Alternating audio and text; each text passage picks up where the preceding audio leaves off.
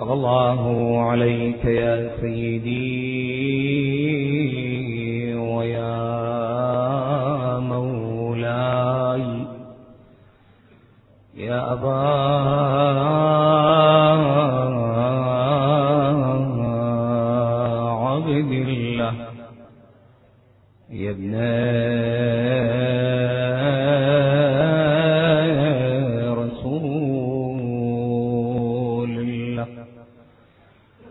رحمة الله الواسعة ويا باب نجاة الأمة. ويا عبرة كل مؤمن ومؤمنة. غريب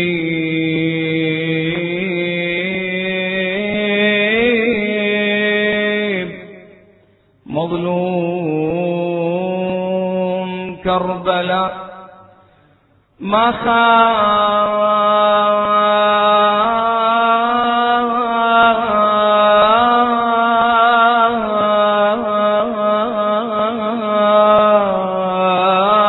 من تمسك بكم.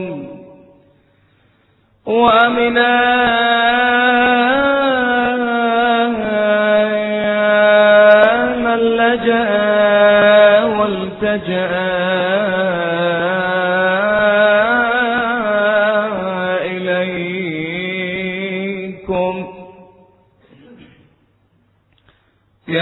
ليتنا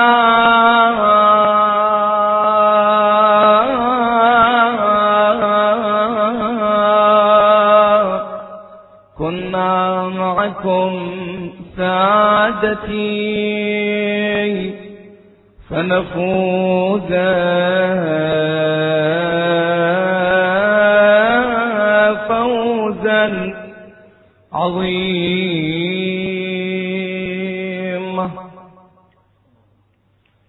أحلما أحلما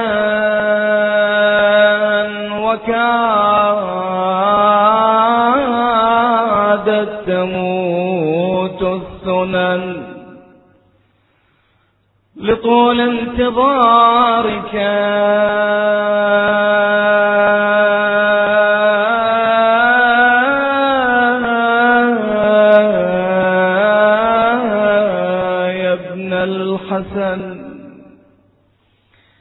وأوشك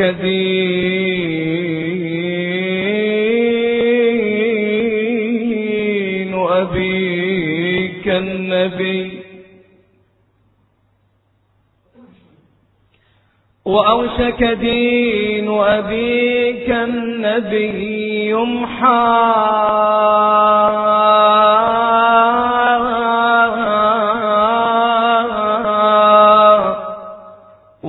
ويرجع دين الوثن وهذه رعايات سيدي وهذه رعاياك تشكو إليك. ما نالها من عظيم المحن فمذ عمن الجار واستحكموا بأموالنا واستباحوا الوطن. شخصنا إليك يا بقية الله يا صاحب الأمر. شخصنا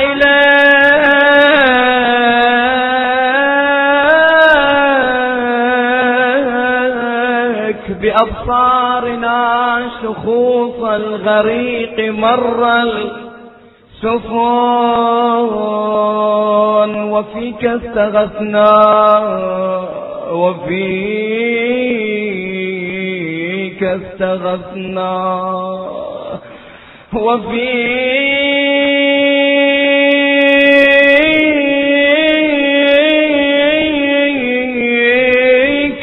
استغثنا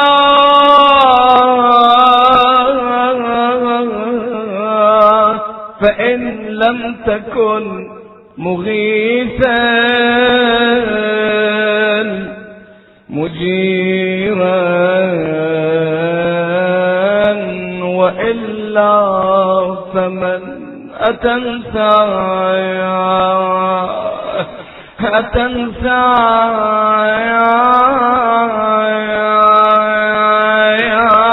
مصائب آبائك التي هد مما دهايا.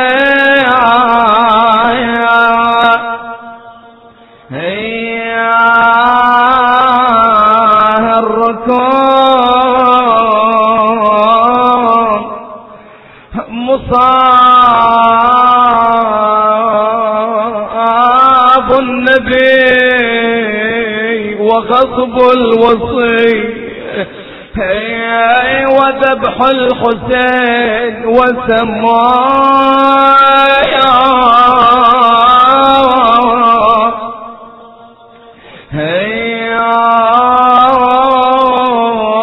الحسن. ولا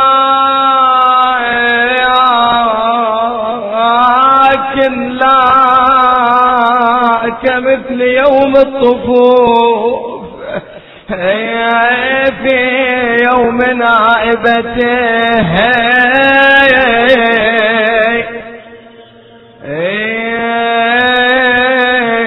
في الزمان أول وعلي راع الثار ما يظهر. علامة علامة الثار ما يظهر علامة وينشر لليتانون علامة علامة نسب متون عماته علامة علامة ضرب سياط زجر وجار ومية.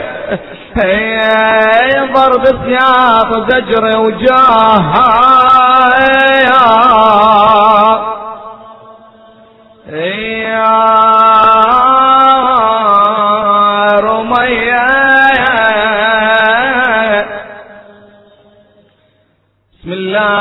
الرحمن الرحيم.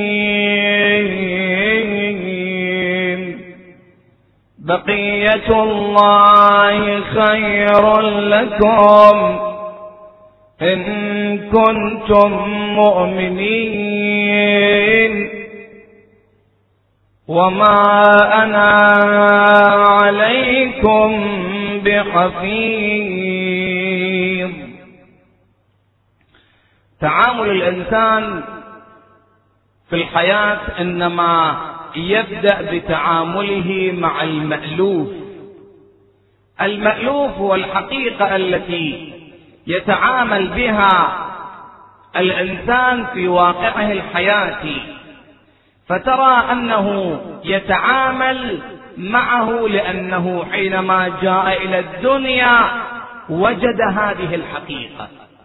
أو وجد أن المجتمع يردد هذه الحقيقة فجعله مألوفا ولكن حينما ينظر إلى حقيقة لم يتعرف عليها بنفسه أو لم يرددها الآخرون يرى أن هذه الفكرة وهذه النظرية غريبة عنه فإيمان الإنسان بالشمس لماذا؟ هل لأنه كوكب كبير ووجد منذ مليارات السنين؟ لا وإنما حينما وجد الإنسان في هذه الحياة وتفتحت عينيه وجد أن هنالك كوكبا كبيرا يشع حرارة ودفئا يسمى بكوكب الشمس آمن به لأنه حينما جاء إلى الحياة وجد هذا الكوكب أمامه لذلك آمن به. ولكن لو تحدثوا إلى الإنسان أن هنالك كوكبا هذا الكوكب وجد منذ مليارات السنين وله سرعة جدا عظيمة وله إشعاع والتهاب من النيران ولا ينكفئ ولا ينطفئ أبدا. كنظرية كفكرة لا يؤمن به. ولكن يؤمن به لأنه وجده منذ اليوم الأول. كيفية ولادة الإنسان ووجود في هذه الحياة؟ الإنسان لو قيل له أنك وجدت من تراب هكذا وتكونت بهذه الصورة ما يقبل.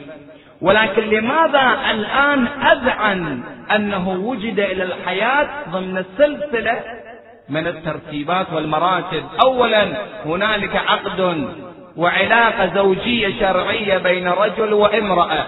هذه العلاقة الشرعية جعلت أن يكون هنالك في وعاء جعله الله تبارك وتعالى عند المرأة أن تنعقد هذه النطفة ثم تتحول هذه النطفة في سلسلة مراتب معينة إلى علقة وإلى مضغة وإلى جنين إلى أن جاء هذا الإنسان إلى الحياة. لأنه ينظر إلى ذلك يعتقد به. لذلك لما يقولون للإنسان أن عيسى لا أب له. هو يعتقد بذلك لأنه كلام القرآن الكريم كلام الله تبارك وتعالى كلام الأنبياء والرسل.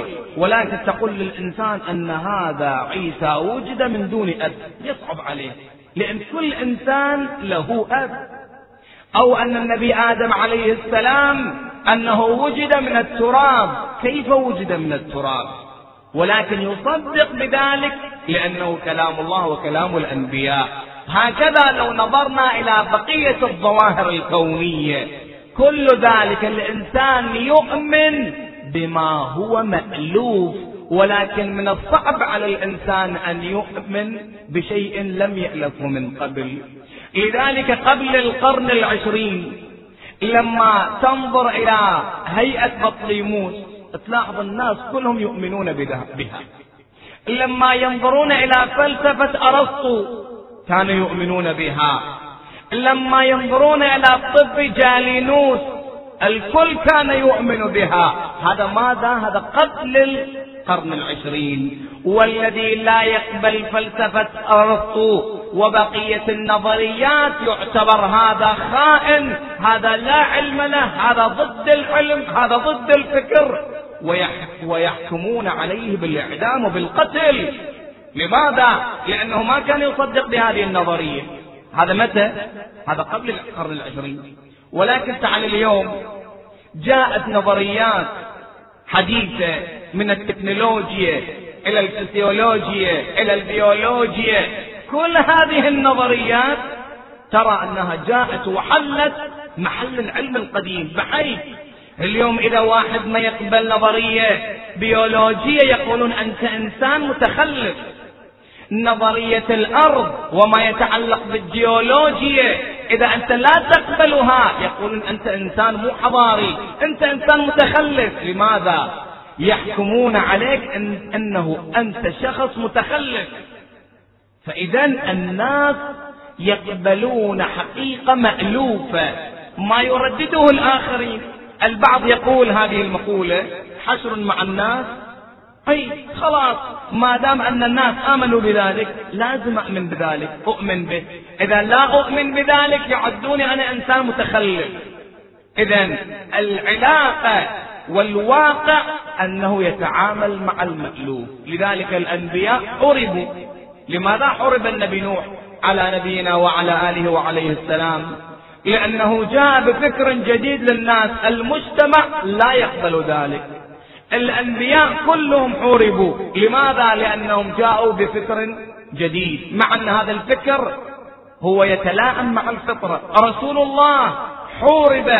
ولكن كيف تعامل؟ قال اللهم اهد قومي فإنهم لا يعلمون. لماذا؟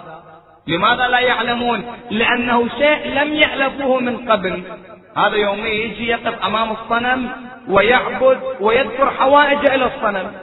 الآن يأتي إليه النبي الأعظم صلى الله عليه وآله وسلم يأتي ويقول له لا تعبد هذا الصنم اللي هو منذ الطفولة تعود عليه. ينظر إلى أمه إلى أبيه الكل تعودوا على ذلك. لذلك من الصعب أن يغير ويأتي بواقع جديد. الآن لما ننظر إلى فكرة الإمام المهدي المنتظر عجل الله تعالى فرجه الشريف نرى أن البعض يتوقف عندها. طبعا إن شاء الله في المجالس الصباحية راح نوقف بحوثنا فقط لخدمة الإمام المهدي والذين يعشقون هذا الإمام العظيم. هو إمام زماننا.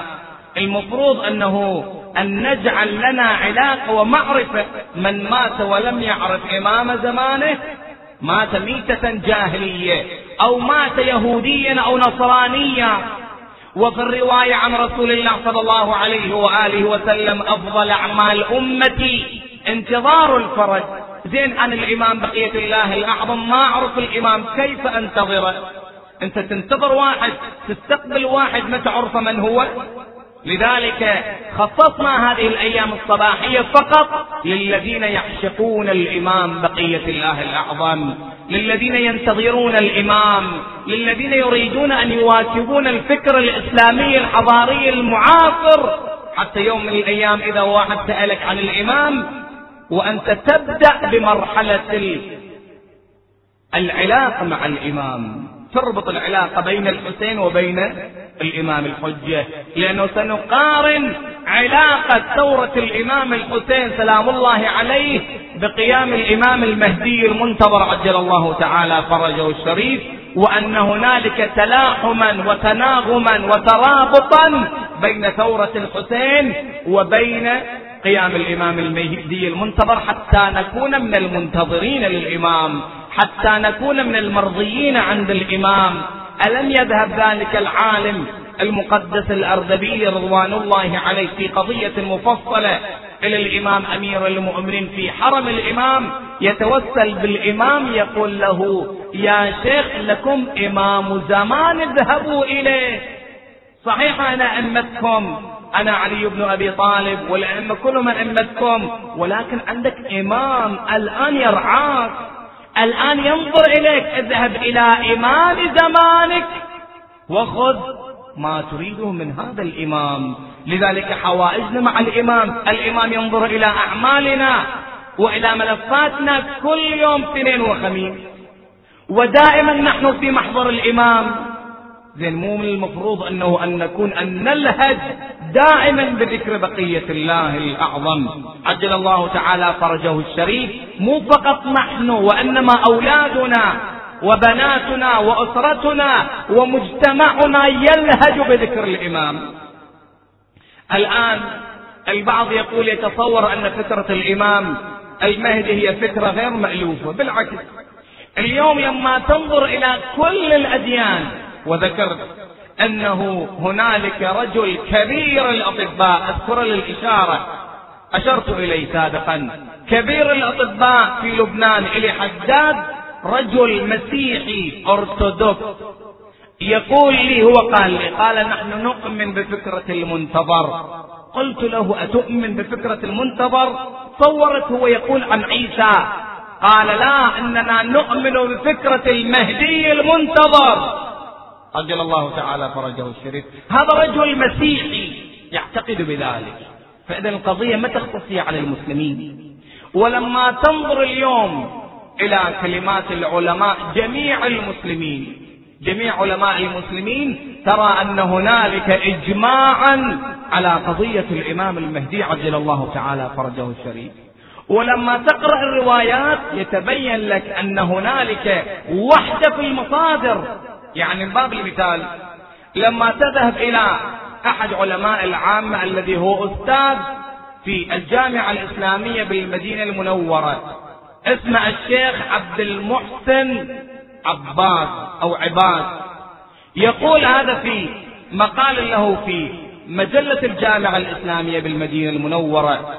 يقول أن الذين ينكرون وجود المهدي المنتظر وظهور المهدي المنتظر إما هذا عن جهل يجهلون واقعا وإما أنهم أخذوا الأحاديث والروايات من أناس لا معرفة لهم بالحديث والرواية. لاحظ هذا واحد من العلماء. الألباني الذي هو من كبار علماء العامة يقول أن فكرة المهدي المنتظر الذي ينكرها ينكر ألوهية الله ووجود الله تبارك وتعالى. أكثر من ذلك لما تنظر إلى ابن باز بذاته يقول أن كل الروايات والأحاديث المتواترة الكل تقول أن هنالك مهدي هو المهدي المنتظر. فكل الروايات متواترة ومستفيضة. في قضية الإمام المهدي. وفعلا لما تنظر إلى الأصحاب من طرق علماء العامة طبعا تلاحظ 26 صحابي رووا في الإمام المهدي. وترى أنه ثمانية وثلاثين عالم من علماء العامة أخرجوا هذه الروايات في الإمام المهدي. إذا القضية لم تكن هي قضية عادية. وإنما هنالك إجماعا من الكل. الآن يمكن البعض يأتي ويقول أنه هذه الفكرة أنا ما أقبلها. هسه هذا الإنسان بالنتيجة مو كل ما يقال قد يكون ما عنده معرفة قد يكون عن جهل قد يكون عن عناد ونحن ندعو له بالهداية. ولكن قضية الإمام المهدي عجل الله تعالى فرجه الشريف قضية أجمع علي أجمعت عليها جميع الأديان. وأجمعت عليها جميع المذاهب الإسلامية مما يدل أن قضية الإمام هي قضية مقدسة ولها دور كبير حتى أن رسول الله صلى الله عليه وآله وسلم قبل أكثر أكثر من 1400 عام يمهد لهذه الأيام يعني ماذا؟ يعني لما يقول الرسول أفضل أعمال أمتي انتظار الفرج يعني ماذا؟ زي القضية ما ترتبط بعهد رسول الله. ولا ترتبط بعهد الأئمة سلام الله عليهم. وإنما بعد مرحلة زمنية حتى يهيئ الأمة لذلك. لما تأتي إلى الإمام أمير المؤمنين يذكر الإمام الحجة سلام الله عليه. تأتي إلى الإمام الحسن الإمام الحسين إلى أبي ذر إلى سلمان إلى المقداد إلى عمار إلى زوجات رسول الله. الكل يتحدث عن الإمام المهدي. حتى أن الإمام الهادي أو الإمام العسكري غاب غيبة تمهيدية. لاحظ؟ يعني غاب غيبة تمهيدية لغيبة الإمام الحجة سلام الله عليه. حتى أن الإمام غاب الغيبة الصغرى ثم الغيبة الكبرى. ليش؟ علشان يعود الناس. هذا المألوف ولا مألوف؟ يعني مرة واحدة يغيب الإمام يمكن الناس ما متعودين على ذلك. ولكن الإمام يبدأ بتهيئة المجتمع تهيئة العقول وتهيئة النفوس إلى هذه الغيبة. لذلك نرى أن قضية الإمام قضية هي مسلمة والكل يعتقد بذلك. حتى أن هنالك الكثير من علماء العامة يقولون أن هنالك الكثير من الآيات القرآنية وهي تفوق آيات الأحكام الشرعية. يعني تفوق أحكام الصلاة. آيات أحكام الصلاة كلها تتحدث في الإمام المهدي. إذا هذه القضية قضية مترابطة. لماذا؟ حتى نشعر اليوم بحاجتنا إلى الإمام. نشعر أن هنالك مو عقائديا. الإنسان قد يشعر الحاجة العقائدية للإمام ولكن الشعور الحياتي تارة أعتقد بوجود الله. ولكن في الساعات الحرجة حينما يأتي الشيطان أضعف أمامه. فإذا أين شعوري بالله؟ تارة عندنا حق اليقين تارة عندنا علم اليقين. حق اليقين درجته أعلى من علم اليقين. علم يعني لما تنظر إليه تعرف أنه أنا موجود. نحن كلنا نعتقد بالأئمة نعتقد بالله ولكن لو ارتكب الإنسان حراما يعني ماذا؟ شوفوا رسول الله أضرب مثال آخر أوضح الصورة أكثر. رسول الله صلى الله عليه وآله وسلم كان يسعى دائما أن يوصل المسلمين إلى درجة حق اليقين. كان يمشي في جنازة. مشى في جنازة ومشى مشى مشى فيها حتى جاء رسول الله لما وضعوا الجنازة على الأرض بلت دموع الرسول الأرض والثرى. ابتلت ترى من دموع رسول الله. صلى الله عليه وآله وسلم ثم قال لمثل هذا فأعدوا. يعني ماذا؟ يعني رسول الله هذه مو تمثيلية. رسول الله قام بهذا العمل الكل موجودين مع الرسول. ولكن لما جاء بهذا الميت وذكر القبر والقيامة حتى يبين للناس حقيقة مو قضية أنه ميت أنا أمشي في جنازة ويدفنوه خلاص وإنما أعتبر من ذلك. فرسول الله أراد أن يبين للناس حقيقة حق اليقين. هكذا قضية الإمام الحجة سلام الله عليه قد أعتقد بالإمام ولكن إذا أردت أن أعتقد وعندي حق اليقين فعلا الإمام الآن ينظر إلي. الإمام الآن يرعاني. الرواية تقول أن الإمام يفرح لأفراحنا. ولكن الفرح في غناء موسيقى؟ يعني أنت يوم الله سبحانه وتعالى رزقك ولد ها؟ أنت فرحان الإمام يفرح معك. ليش؟ لأنه في أفراحهم تفرح أنت في أفراحهم. وفي أحزان أهل البيت تحزن أهل البيت والإمام المهدي حينما تحزن يحزن معك. هذه العلاقة. إذا تمكنا من تبديل العلاقة مع الإمام المهدي من علم اليقين إلى حق اليقين يعني أن هنالك علاقة مترابطة وأن, وأن هنالك علاقة واقعية بيننا وبين الإمام بقية الله خير لكم. هذه البقية الباقية. هذا التراث وهذه البقية وهذه أمانة رسول الله. صلى الله عليه وآله وسلم. يعني رسول الله جاء والسيدة الزهراء سلام الله عليها وأمير المؤمنين والإمام الحسن والإمام الحسين وأهل البيت كلهم جاءوا. الآن أهل البيت ورسول الله أعطانا أمانة. شلون نحافظ على هذه الأمانة؟ الإمام المهدي سلام الله عليه هو أمانة بين أيدينا. هل نحافظ على هذه الأمانة أم نضيع الأمانة؟ شلون يعني نحافظ الأمانة؟ أنت اليوم إذا واحد أعطاك شيء ثمين قال لك هذه أمانة أنا أسافر وما عندي مكان أمين أخلي هذا الشيء. خلي هذا الشيء عندك. خليه في مكان حتى قد يكون أغلى من الأماكن اللي أنت أشياءك الخاصة تخليها فيها ليش؟ تقول هذه أمانة. إذا عائلة تريد تسافر جابوا لك ولد أو طفل صغير أنه هذا أمانة خليه عندك. إحنا نسافر ونرجع. شلون تحافظ على أولاد الناس؟ قد تحافظ على أولاد الناس أكثر ما تحافظ على أولادك. فرسول الله صلى الله عليه وآله وسلم أعطانا أمانة وهو الإمام المهدي المنتظر. وهذه أمانة الله بين أيدينا. هل نحافظ على هذه الأمانة؟ الآن كيف نحافظ؟ هذه الأيام القادمة. سنتحدث عن ذلك أنه كيف نحافظ على هذه الأمانة؟ كيف نتفاعل مع هذه الأمانة؟ كيف نؤدي حق الأمانة ولا نقصر في حقها؟ فمن هنا ترى أن أهل البيت سلام الله عليهم الكل لما تنظر إلى الإمام الصادق. المسافة بين الإمام الصادق وبين الإمام المهدي مسافة طويلة ولكن لما يذكر ذلك اللفظ لما يذكر هذه العبارة وهذه المفردة القاف والألف والهمزة والميم ترى أن الإمام كان يقف ويضع يده على رأسه ويقول عجل الله تعالى فرجه وسهل مخرجه. الإمام الصادق اللي يصير من آباء ومن أجداد الإمام الحجة هكذا يتعامل. ولكن بعض الأوقات يمكن يذكر الإمام أمامي وحتى تلك اللفظة أينما تكون تقوم للإمام الإمام ينظر إليك أنت احترمت الإمام.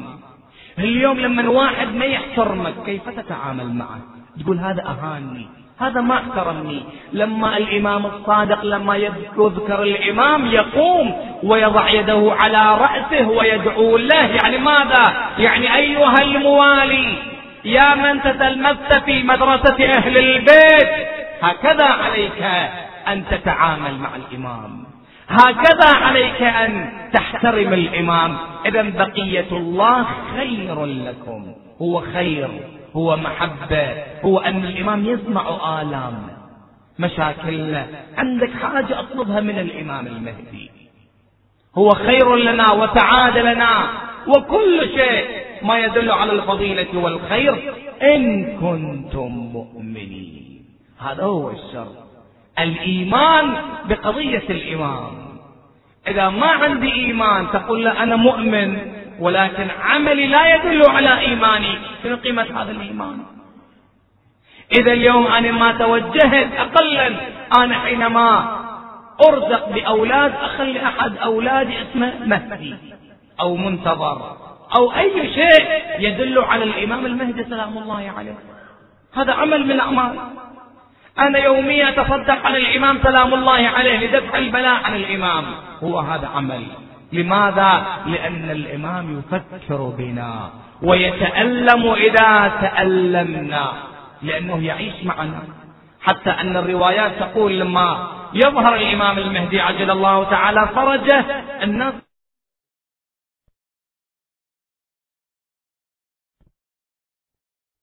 وذاك يقول أنا نظرت إليه وذاك يقول نعم أنا شفته. يعني ماذا؟ يعني أن الإمام سلام الله عليه متواجد معنا ويحضر في هذه المجالس. تصور الإمام ما يحضر في مجالسنا. تصور الإمام يدري اليوم من حضر مجلس وأمس بالليل من حضر مجلس. كل هذا موجود عند الإمام. كل عمل تقوم للإمام الإمام ينظر إليك. والإمام أعظم ما هو على الإمام الحجة سلام الله عليه مصيبة جده الحسين. لما تنظر إلى الإمام سلام الله عليه حينما يناغي الحسين حينما يتألم مع الحسين تلاحظ أولا الراية التي يحملها الإمام بقية الله الأعظم. لما يحمل الراية يحمل راية يا لثارات الحسين. شوف العلاقة بين الإمام الحجة وبين الإمام الحسين. يحمل راية يا لثارات الحسين. وثم أنه يتوجه إلى كربلاء. إذا توجه إلى كربلاء يذهب إلى ذلك المكان الطاهر المقدس. ويستخرج الطفل الرضيع. يقول يا ناس إذا كان ذنب للكبار فما ذنب الصغار. يعني الإمام لما ينظر إلى طفل أبي عبد الله الحسين يبكي بكاء عاليا. يدل على أن هنالك تفاعل بين الإمام الحجة وبين أبي عبد الله الحسين. سلام الله عليه. لذلك لما تقرأ زيارة الناحية وتشوف كلمات الإمام الحجة سلام الله عليه. شوف الرثاء شوف المصيبة لما يقرأها الإمام الحجة ويبكي على جده الحسين. لما يتكلم عن تلك الجباه حينما يتكلم عن تلك الشفاء حينما يتكلم عن ذلك الجسد الصريح حتى أنه يتكلم عن الفرس وهو عائد إلى المخيم ويصهل وينادي الظليم الظليم. شوف الإمام إذا أراد أن يبكي على جده الحسين شلون يبكي؟ وأنا الموالي شلون أبكي على الحسين؟ ها؟ شلون أبكي والإمام هكذا يبكي؟ يقول فلأندبنك صباحا ومساء. سيدي أبا عبد الله حبيبي يا حسين يا جداه أيوا حسينا فلأندبنك صباحا ومساء. يعني كل وقت دائما في كل لحظة أنادي يا حسين وأبكي عليك أبا عبد الله. فلأندبنك صباحا ومساء. ولأبكين عليك بدل الدموع دمايا هذا الإمام الحجة حتى الأئمة كانوا يبكون على جدهم الحسين. هذا الإمام زين العابدين بكى على أبيه الحسين. أربعين عاما يقول الراوي كلما أحضر إليه طعام بكى. ما جاء إليه بشراب أو طعام إلا وبكى. حتى جاء إليه الغلام قال له سيدي إني أراك من الهالكين. قال يا هذا ماذا تقول؟ كلما أنظر إلى طعام أو شراب أنظر وإذا بي أتذكر عطش أبي الحسين. وجاء إليه تارة جاء إلى سوق القصابين. سلام الله عليك يا زين العابدين. شوف المصيبة الإمام زين العابدين كان هو حاضر في واقعة الطف. كل ما جرى في واقعة الطف شاهدها الإمام. سلام الله عليه. يأتي إلى ذلك القصاب ينظر بيده شاة ليذبحها. يقول له يا رجل هل هل سقيت هذه الشاة ماء؟ يقول يا ابن رسول الله إحنا هذه الشاة من نذبحها حتى نسقيها ماء. وإذا به توجه إلى كربلاء قال أبا يا حسين. هؤلاء لا يذبحون الشاة حتى يسقوها وأنت ذبحت ضمانا غريبا. يأتي إليه أبو حمزة الثمالي يقول يا ابن رسول الله القتل لكم عادة وكرامتكم من الله الشهادة. ألم يقتل أبوك علي؟ ألم يقتل حمزة؟ ألم يقتل هؤلاء من أهل بيتكم؟ إذا يا ابن رسول الله لماذا هذا البكاء والجزع؟ التفت إليه الإمام زين العابدين قال يا أبا حمزة جزاك الله خيرا نعم كما قلت القتل لنا عادة وكرامتنا من الله الشهادة ولكن يا أبا حمزة هل سمعت أذناك أو رأت عيناك أن علوية أو هاشمية تسبى قبل يوم عاشوراء. يا أبا حمزة كلما نظرت إلى أخواتي إلى عماتي أنظر فرارهن في البيداء وهن يصحن وحسينا. وعن سيدا وجدا ورسول الله قلبي يا ابو حمزة ترى تفتت وذايا. قلبي يا أبو حمزة ترى تفتت وذايا. مثل المصيبة اللي دهتني ما حد انصار ذيك البدور اللي زمنا زلها يزهروا والليل كلم العباد ما يفدروا السبعة وعشرة عاينه اتهم كلهم ضعاف بفر الساعة والسدام حر التراب يا أبا حمزة بعين نظرت حسين يا أبا عبد الله بعين نظرت حسين بيد الطفل من حب ومر ضابت عينه ودموع دفوق أحمى الضايعات بعدك ضعنا يا الله. اللهم صل على محمد وآل محمد. نقرأ هذه الآية الكريمة.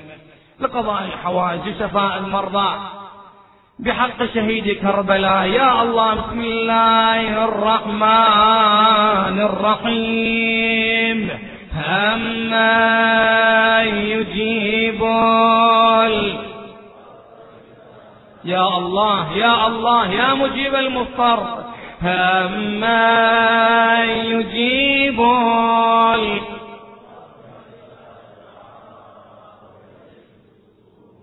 أما يجيب المضطر إذا دعاه أمن يجيب يا الله يا أرحم الراحمين. أمن يجيب المضطر إذا دعاه. أمن يجيب المضطر إذا يا مجيب المضطر يا كاشف الضار يا دليل المتحيرين. اللهم اكشف عنا كل سوء يا الله. اللهم تقبل أعمالنا يا الله. إلهنا يا حميد بحق محمد. ويا علي بحق علي. ويا فاطر بحق فاطر. ويا محسن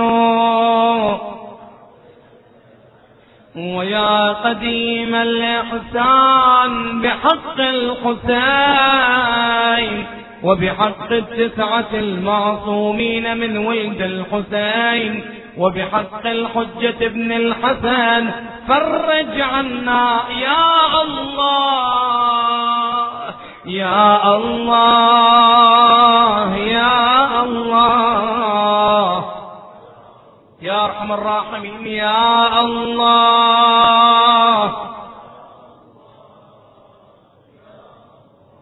يا الله يا الله. اللهم عجل لوليك الفرج واجعلنا من أنصاره وأعوانه. والمجاهدين بين يديه. اللهم اقضي حوائج المحتاجين. أدي دين كل مدين. شافي مرضانا بمريض كربلاء زين العابدين. اقضي حوائج المحتاجين. اللهم اجعل عواقب أمورنا خيرا. لا تكلنا إلى أنفسنا طرفة عين أبدا. أرزقنا توفيق الطاعة وبعد المعصية وصدق النية. تقبل منا ومن الحاضرين والمؤسسين بأحسن قبولك يا الله. نقرأ دعاء الفرج للإمام سلام الله عليه. اللهم صل على محمد وآل محمد. اللهم كل وليك الحجة.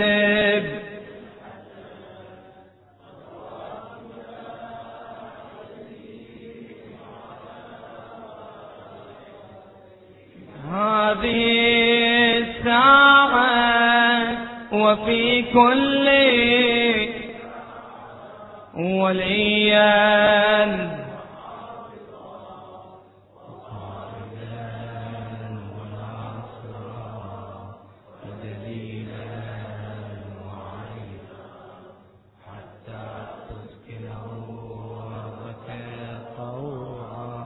وتمتعه فيها طويلا. برحمتك يا أرحم الراحمين.